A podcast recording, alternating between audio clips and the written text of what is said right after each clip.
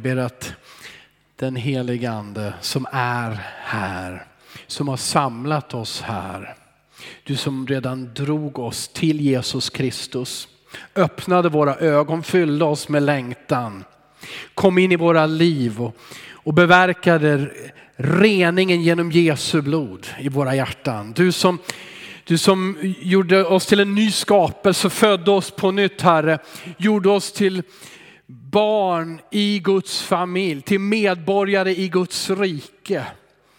Heliga ande, vi ber att du ska smörja våra hjärtan, våra hjärtas ögon att vi ser dig. Vi ber att din heliga ande ska gripa tag i hela vår varelse. Herre, Herre, vi är svaga, men i dig Herre kan du få oss att med, med hjärna och hjärta hjärta, med själ och ande och kropp. Tjäna dig Herre, följa dig var du än kallar Herre. Jag ber att din heliga ande smörjer oss Herre, att vittna om dig, att predika ditt ord Herre. Herre Jesus Kristus, vi tackar dig och vi, vi lägger allt inför dig Herre. Herre Jesus, jag ber med Davids ord, ransaka mig Gud och känn mitt hjärta. Pröva mig och, och känn mina tankar. Se om jag är stad på en olycksväg och led mig på den eviga vägen. I Faderns och i Sonens och den heliga Andes namn. Amen. Amen. Amen. En bön av David. Eh, kanske har du ofta bett den.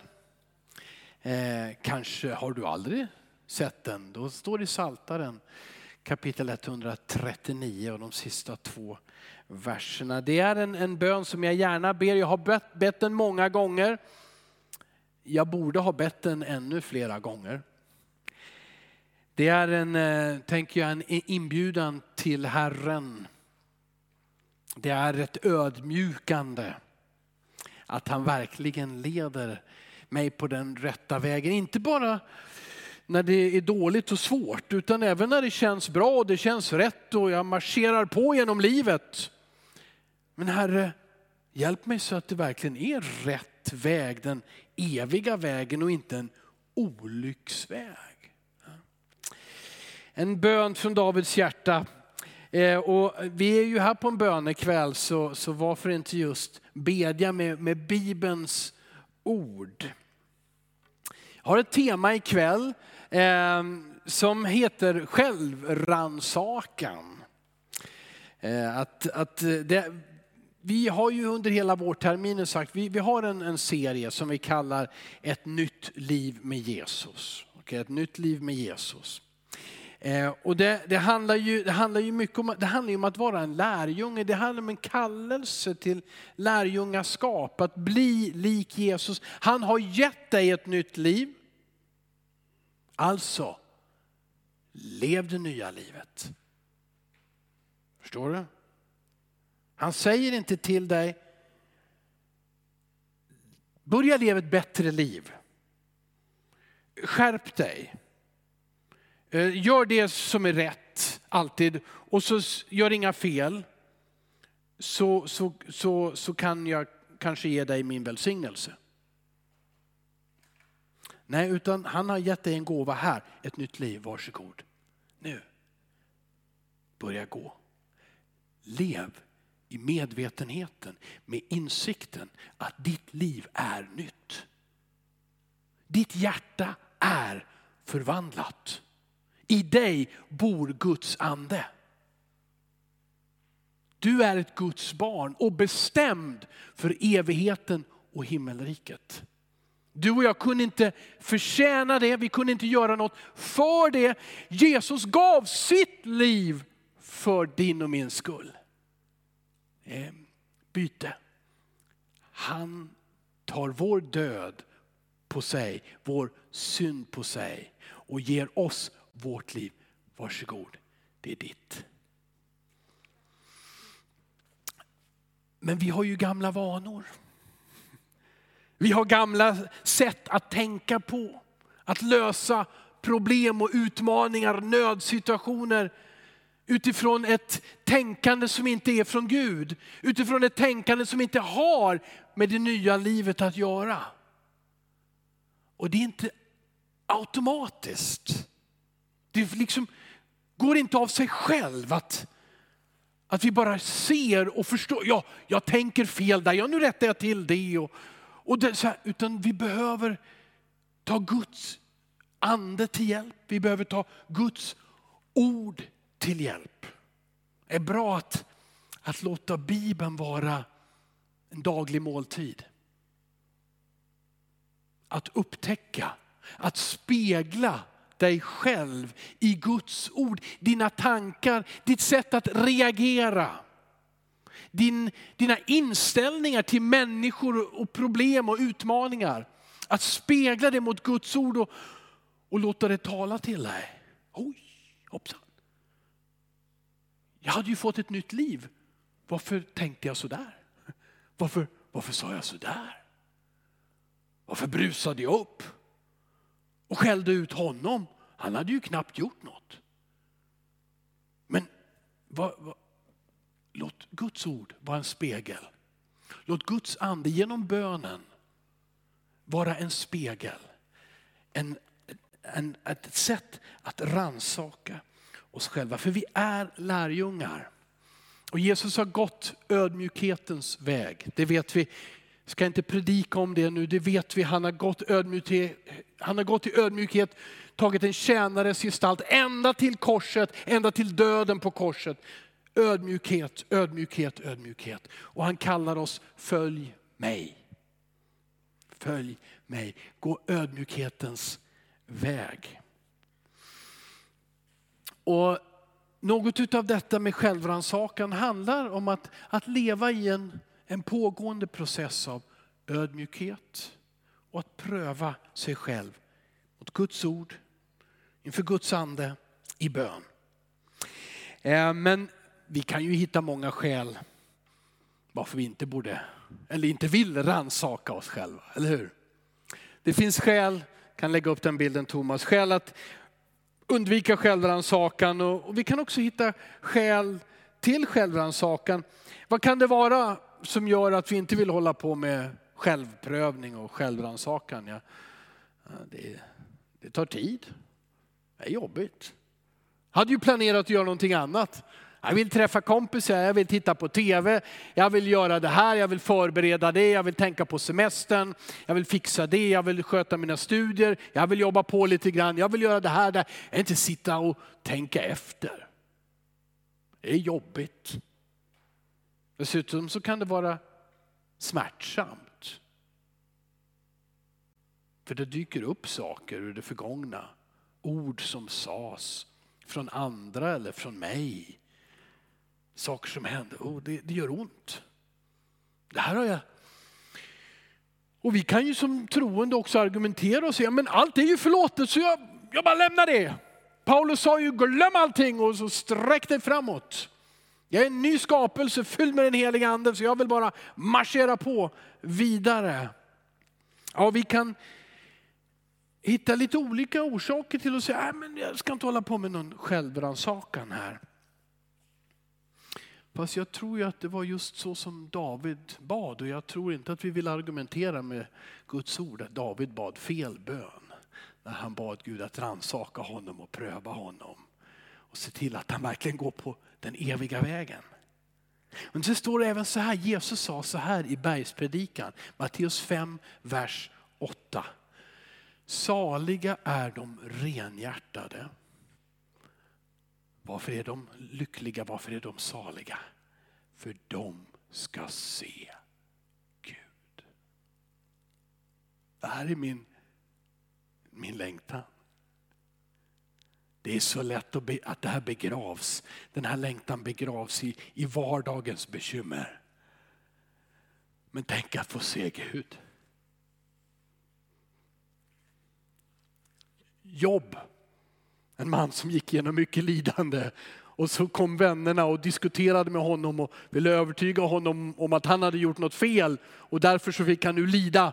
Och så har vi de här långa diskussionerna i Jobs bok. Men Jobb skriv, säger så här, jag själv ska få skåda honom.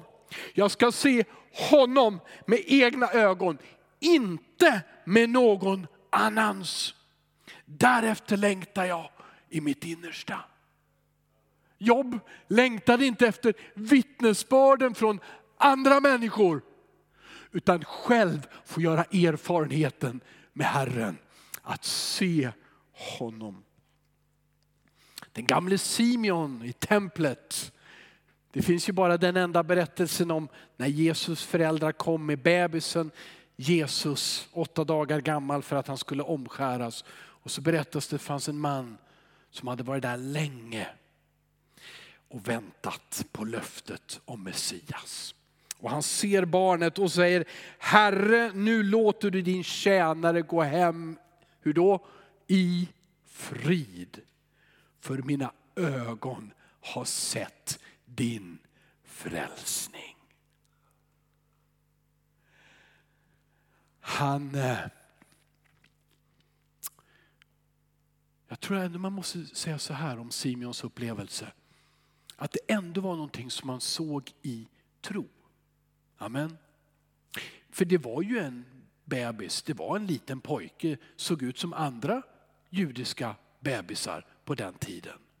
Det står ingenting om någon, någon gloria, något sken runt den här bebisen.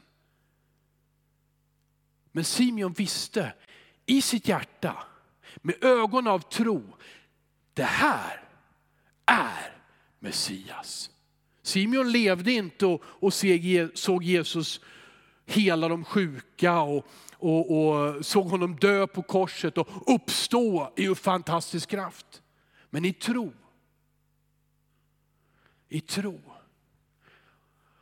Och för jobb och för, för vad Jesus säger om att saliga de renhjärtade, de ska se Gud. Så ja, en dag, en dag, ovan där, i himlen ska du se Gud med de ögon som du har. Men redan här och nu så vill, så är Guds plan att du i tro ska få se Gud och kunna erkänna min förlösare lever. Min förlossare lever. Jag har sett Herren, min befriare. Saliga de renhjärtade. Det här är en grund, jag tror att det här är skäl till just att gå en väg i ödmjukhet och att pröva sig själv, sina egna vägar, tankar, gärningar. Låt mig ge ett annat skäl nu skäl jag ifrån en annan predikant. Han heter Jan Eriksson, han är evangelist, han bor, kommer från Norge, bor och verkar i Österrike och runt omkring. Han var tidigare högst kriminell, eh, hade mycket vapen, han var hallick som man säger, hade prostituerade runt om i olika städer i Skandinavien och norra Europa. Så mötte han Jesus. Men han säger så här, det här är nu inte Guds ord utan det här är Jan Eriksson. Eh, men, men jag tycker det här är bra. När Jesus kom in i mitt hjärta, då lämnade djävulen.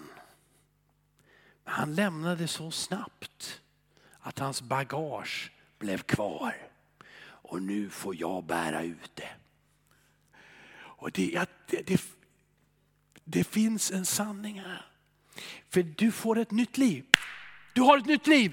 Du är en ny skapelse. Ditt hjärta är fött på nytt. Du tillhör Gud. Du är hans egendom. Han kommer inte att förlora dig, tappa bort dig, slarva bort dig. Han älskar dig. Han har ett bestämt mål för dig. Och djävulen bara flyr av rädsla. För här kan jag inte längre bo.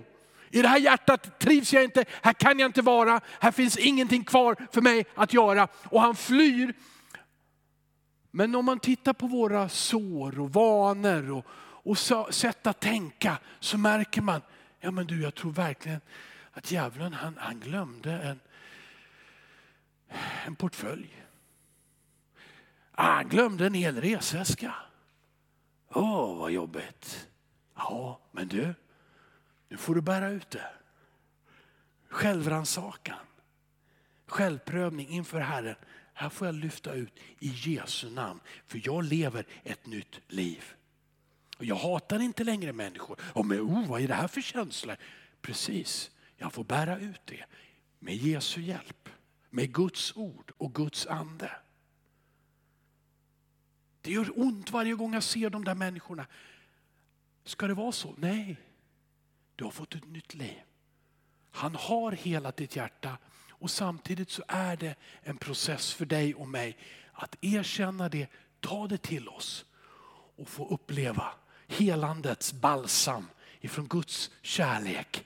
Att vi till och med kan möta de människor som vi har fruktat och be för dem och välsigna dem i Jesu namn. Och, och sen så har vi ju faktiskt en väldigt tydlig uppmaning i nattvardstexten. Har jag med den där Thomas? Jag tror det. Var och en ska pröva sig själv. När vi firar nattvard, då står det du ska pröva, var och en, inte jag ska pröva dig och du mig. Det står inte så, eller vi varandra. Utan var och en ska pröva sig själv och så äta av brödet och dricka av bägaren. Hoppar jag över några verser.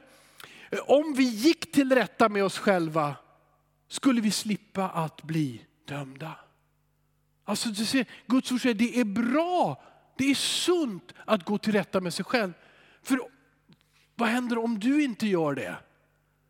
Ja, då faller domen någon annanstans ifrån. Och så står det, men när vi döms, ja då fostras vi av Herren. Det är alltså lärjungaskapet där Herren lär oss, formar oss, tar fram det som han vill att du och jag ska vara. Och jättegärna, jag får vatten här idag. Vad härligt, tack. Vi får vara lärjungar. Åh vad snällt. Tack Micke, härligt. Oj, jag doppade mikrofonen. Det får jag tänka på nästa gång. För att vi inte ska bli fördömda tillsammans med världen. För världen vill inte pröva sig själv. Ni vet, ett av det vanligaste som man hör idag. Döm inte mig. Ingen får döma mig. Eller hur? Du får inte döma någon, aldrig döma någon. Nej, nej, nej, aldrig döma någon. Det här är inte från Guds ord. Det är inte från Guds ord. Gud fostrar.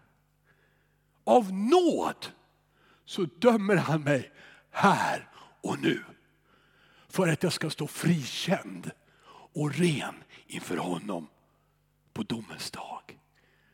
Och det ska vara en kort process när du står inför Jesus. Han ser, Gud ser Jesu Kristi rättfärdighet i dig. Det är en kort process. Men här och nu så får vi tillåta fostran. Alltså mina bröder, när ni samlas för att äta så vänta på varandra. Så är det. Och så vet vi att just det här har väldigt mycket att göra med nattvardens prövande. Hur vi behandlar varandra i församlingen, bröder och systrar. Det finns ett tydligt fokus på det. Vet ni, vi har tre olika karaktärer. Visste du det? Du har tre olika karaktärer. Det är karaktären vi visar upp, är den jag visar upp idag hoppas jag. Mm. Och så har vi karaktären som vi tror vi har. Ja men så här är jag. Ja visst vet du. Och så har vi karaktären som vi verkligen har. Mm. Det kan vara så, det kan vara lite grann så att det första kanske är i arbetet och kyrkan och i olika sammanhang inför andra. Det här är vad vi visar. Det andra är mer vår självbild. Det här är vad jag tycker och tänker om mig.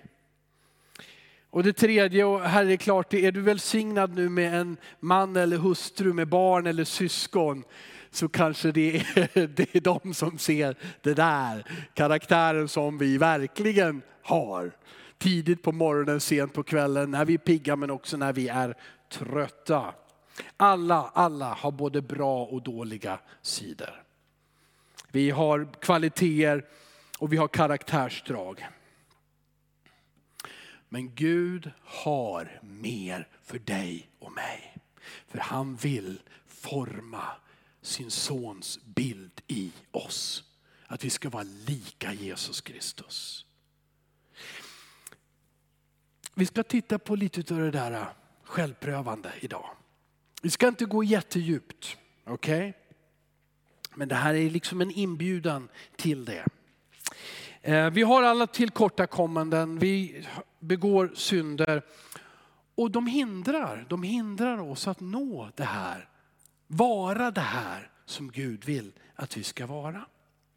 Vi börjar med eh, eh, förhållande till andra. Så jag kommer ge fyra stycken olika kategorier här. Och med varje med en bibelvers och sen kommer jag ställa ett antal frågor. Det här är, jag kommer ge så många frågor, det, det går inte att gå in på i detalj.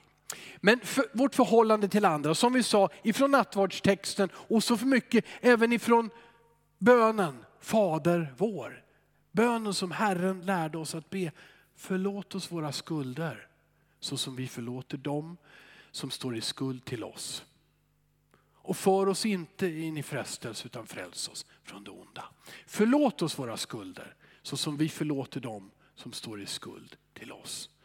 Det finns här i Herrens bön, i nattvardsfirandet, i så mycket av Guds ord en prövning till hur vi förhåller oss till våra medmänniskor och till vår nästa. Nu ger jag några frågor och eh, det kallar jag för inventering. När jag gick i klass 9 då fick jag göra prao, det hette pryo på den tiden, sen bytte det praktisk yrkeslivsorientering. Har ni gått i svensk skola har ni gjort någonting liknande, eller hur? Först i åttan och sen i nian. Och, och när jag gick i nian då kom jag till Konsum. Det är en affär som inte finns nu för tiden, men den heter väl Coop eller något sånt där. Va? Eh, Konsum. Och det, vilken lycka, nej vilken olycka. för precis när jag kom dit för min pryo, då var det inventering. Och då var det jättepraktiskt för dem att ta en 15-årig grabb och säga, bra, du ska räkna varenda vara i butiken. Tack och lov var jag inte ensam. Alla anställda höll på med det här från tidig morgon till sen kväll och chefen var kanske där nattetid också. Det var ett räknande och det är ju någonting positivt om man tar det så nu då, för då hittar man, då ser man vad man har. En massa bra produkter som vi ska sälja. Det mera negativa är ju att vi märker svinnet också, för på listan står att vi borde ha fortfarande 200 tandkrämar och 300 tandborstar. Men här har vi betydligt färre. Det här är inventeringen och man märker, jaha, det här var sanningen. Det var lite svinn utav någon anledning. Inventering ställer frågor. Och de här frågorna de kommer nu ur, ur det material som Celebrate Recovery har. Och här skulle vi kunna ta en lång predikan och inte bara predikan, framförallt tid. Framförallt tid att tänka kring varje enskild fråga. Det tillåter vi oss inte ikväll. Men den första frågan är helt enkelt, vem har sårat dig? Eller vem har du ovilja mot? Finns det någon du vill hämnas på? Är du avundsjuk eller missunnsam mot någon? Har du försökt rättfärdiga dig själv genom att skylla på andra? Vem har du sårat? Vem har du kritiserat eller skvallrat om? Ja, ni vet en gång till, det är centralt i Bibeln. Vårt förhållande till andra människor. Speciellt förlåtelsen, både den förlåtelse som vi tar emot och den förlåtelse som vi ger. Och just där har du tagit emot Jesus och hans förlåtelse. Då har det här väckts på ett helt annat sätt i dig, på ett nytt sätt. Oj, jag kan inte springa omkring och vara arg på alla de här människorna kan inte använda de orden längre. Kan inte tala om människor som inte är närvarande. Just det. Det här väcks i oss för Gud har gjort ditt hjärta rent. Och så reagerar vårt samvete och samarbetar med oss och samarbetar med Gud. Men här är det viktigt för dig och mig att inte bara rusa på och rusa vidare. Här är självrannsakan. För i vardagslivet, i familjelivet, på arbetet, i skolan, i olika sammanhang. Där händer saker, där sägs saker, där kommer gamla saker upp och gör sig påminda. Och därför är det så värdefullt att göra en inventering. Vi tar ett annat område. Prioriteringar. Prioriteringar i livet. Jesus sa så här, nej sök först Guds rike och hans rättfärdighet så ska ni få allt det andra också. Och han talar ju om inte springa efter kläder och mat. Alltså livets nödvändigheter, vardagsbestyr, överlevnad, karriär. Nej, popularitet. Nej, sök inte det först, säger Jesus. För det gör hedningarna och har alla de här bekymren. Så ska ni inte vara. Sök Guds rike först. Låt det vara din prioritering. Och några frågor här, några praktiska frågor ifrån Celebrate-materialet. På nästa bild. På vilka områden i ditt liv sätter du inte Gud först? Och du märker, här är, det är nog inte så att där flög det in ett svar nu. Boom, ja, det är precis det. Kanske det gjorde. Då tackar du Guds ande för det. Då tackar du Gud för det. Men det kanske också behövs att du sätter dig ner, tar tid, tänker efter och skriver. På vilket område i mitt liv sätter jag inte Gud först? Vad hindrar dig från att göra Guds vilja? Vilka prioriteringar har du? Och vem påverkades av dina prioriteringar? Vad var bra med dina prioriteringar och vad var fel med dem? Att ta tid. Det här, jag går ju så fort fram här. Du kan återvända om du vill till den här predikan. Den spelas ju alltid in. Men jag rekommenderar att du söker dig till Celebrate Recovery öppna kvällar på måndagskvällar. Om du säger jag måste ta itu med de här frågorna för jag vill, jag vill ha ett rent hjärta. Jag vill se Gud i mitt liv. Jag vill se mer av honom. Men låt mig säga en sak här som jag kommer säga en gång till senare. Självprövning behöver balans. Är du som jag? Börjar du fundera över dina fel? Då fastnar jag totalt i mina fel. Äh, det är självklart, Gud är Gud och Kalle är Kalle. Det är en sån milsvid skillnad så det, det kan inte bli bra. Ja? Och så känner jag sådana här fina människor till höger och vänster. Och så tänker jag, men Kalle vad händer nu liksom? Titta mig i spegeln och har inget hår, vad tragiskt. Ja, ursäkta om det är någon annan som delar det bekymret. Allt annat som jag inte kan och alla fel som jag har gjort som du inte har gjort. Tänk om jag vore som dig. Ja, här gäller det att ha balans. Det, jag, jag, tror att det här, är, det här är viktigt. Pröva, våga se, våga se dina bra sidor. Jag ska gå in lite mer på det. Och tacka Gud för dem.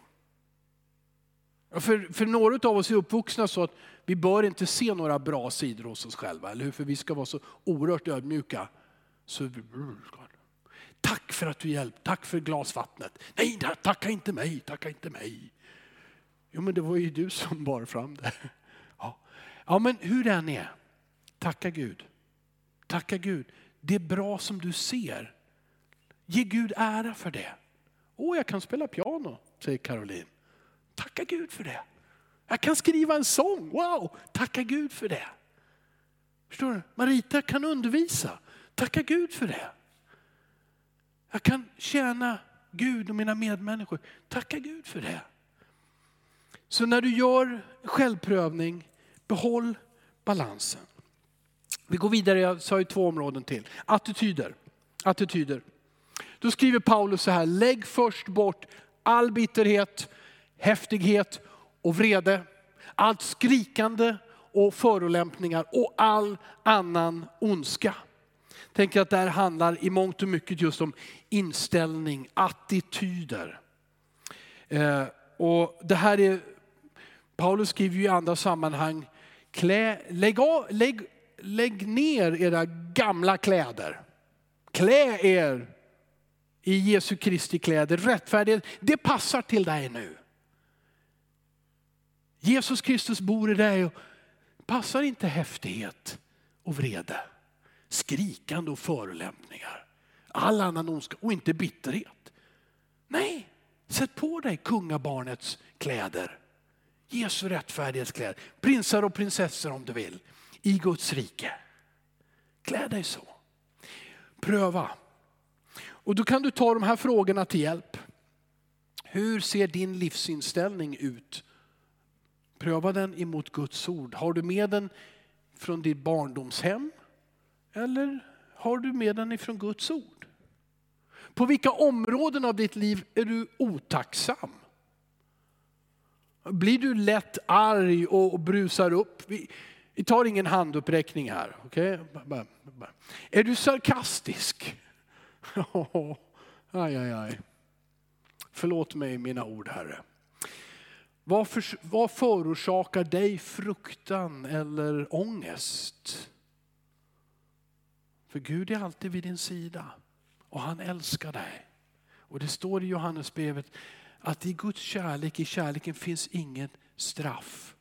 Och rädsla hör att göra med straff. Gud är inte ute efter att sätta dit dig. Han är inte där för att straffa dig. Han är med dig vilka utmaningar du än möter.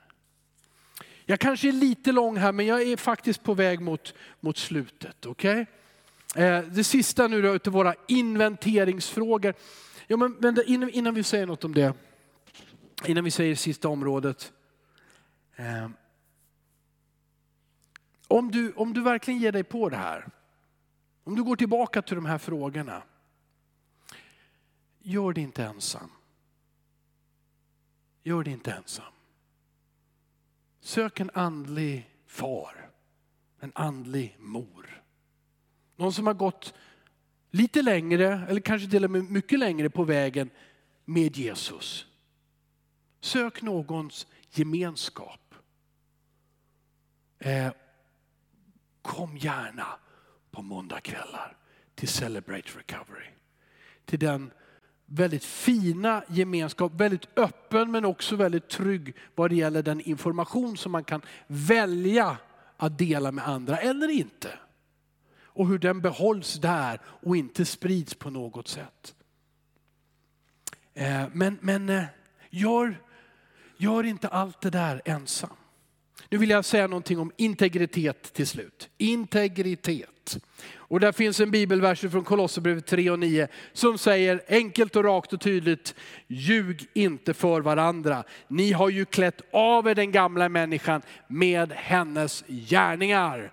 Ljug inte för varandra. Det handlar ju om integritet och om trovärd.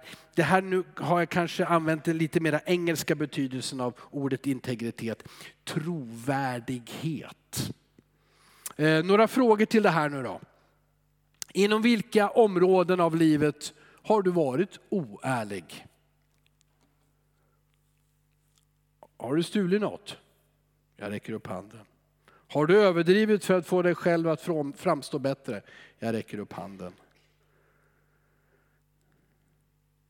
Jag minns ett tillfälle när jag hade betalat, vi hade haft ett ungdomsläger i Österrike, det var fantastiskt, det var jättebra, massor med ungdomar. Vi hade hyrt in oss någonstans och, och, och, och, bott, eh, och det var väl för ledarna, det var bara ledarna som hade hyrt rum för. Och så, så, så gör vi betalningen och så säger ägaren till det här stället, ja men det här gör vi ju utan skatt, eller hur? Och så fick jag ju se, och det var ju till en väldig fördel, utan skatt. Och faktum var att jag åkte därifrån och betalade mindre. Ja, just det. Det gick inte många minuter så blev det så jobbigt att köra bil och överhuvudtaget liksom. Stor tid, hur dum var du inte? Jag, i, för mig var det där en sån här naturlig reaktion. Det gick för snabbt.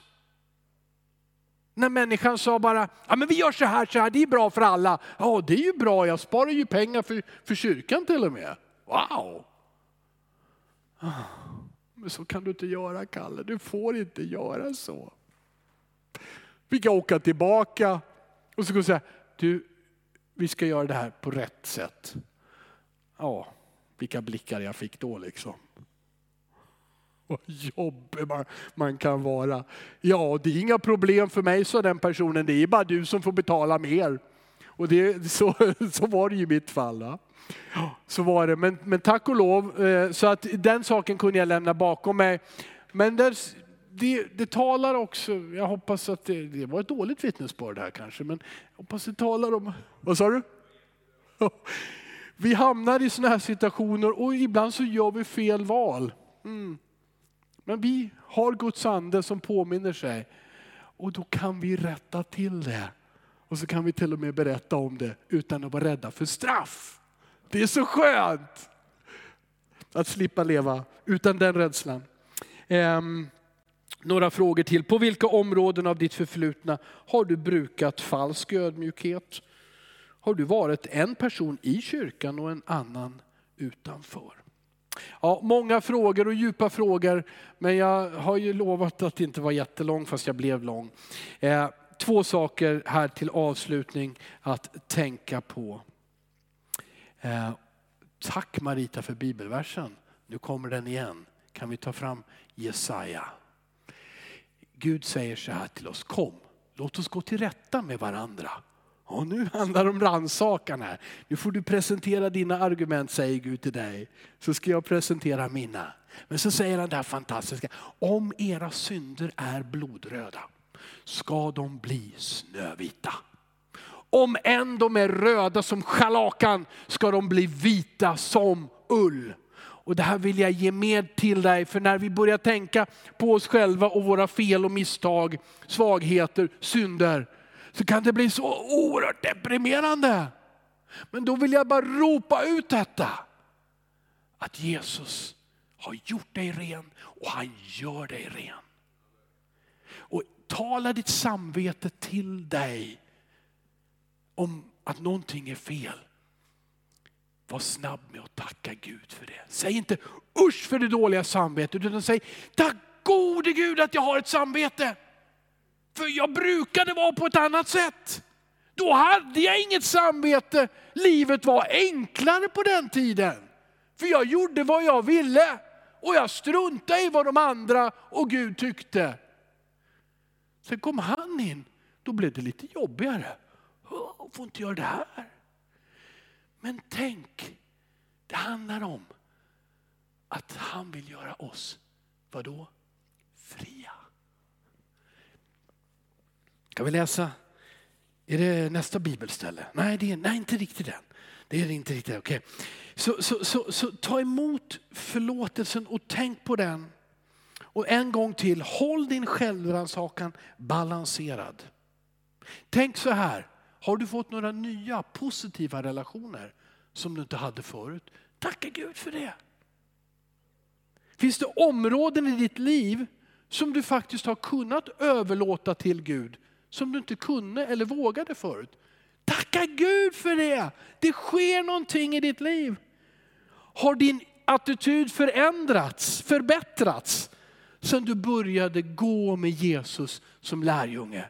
Ja men tacka Gud för det. Gläd dig över det. Över ditt tillfrisknande som människa. Över ditt återupprättande. Att du blir likare Jesus. Till sist har du kunnat stiga ur ditt förnekande och in i Guds sanning. Och må bra där. Kan vi ta en bib eh, vi ska, kan du hoppa över den ena bibelversen och gå till nästa? Om ni förblir i mitt ord är ni verkligen mina lärjungar. Ni ska lära känna sanningen och vad ska sanningen göra? Den ska göra er fria. Halleluja! Den ska göra er fria. Sanningen är inte någonting vi behöver vara rädda för. Utan vi kan söka den även om det för ett moment bränner till och gör ont. Men den gör oss fria. Amen. Fantastiskt. Nu backar vi tillbaka till den där bibelversen i Romarbrevet 8, för den är så bra. Vad ska vi nu säga om detta? Om Gud är för oss, vem kan då vara emot oss? Han som inte skonade sin egen son utan utlämnade honom för oss alla. Hur skulle han kunna annat än att skänka oss allt med honom? Vem kan anklaga Guds utvalda? Gud är den som vadå? Frikänner. Eh, vem är det som fördömer? Kristus Jesus är den som har dött, ja än med den som blivit uppväckt och som sitter på Guds högra sida. Och vad gör han där? Han vädjar för oss. Det är underbart att få släppa in Guds sanning, Guds sol. Ha Bibeln som en spegel, ha Guds ande och bönen som en spegel. Pröva sig själv inför Gud och få gå in i den underbara frihet, mer, mer, mer av Jesus och livet med honom. Grattis säger jag till dig som har tagit emot Jesus och som vill gå den här vägen.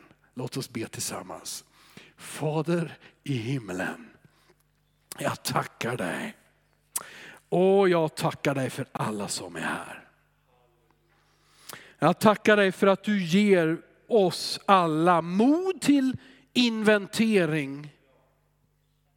Jag tackar dig Herre för att du ger oss mod till ödmjukhet och att möta din sanning.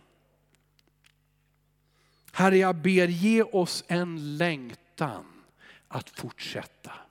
Ge vår inre, män, inre människa kraft att fortsätta vandra i ditt ljus. Lys upp vår väg med din sanning Herre, som gör oss fria. Tack för nåden och förlåtelsen. Tack för friheten i dig Jesus. Och tack för att våra ögon ska få se Herren. I Jesu namn. Amen.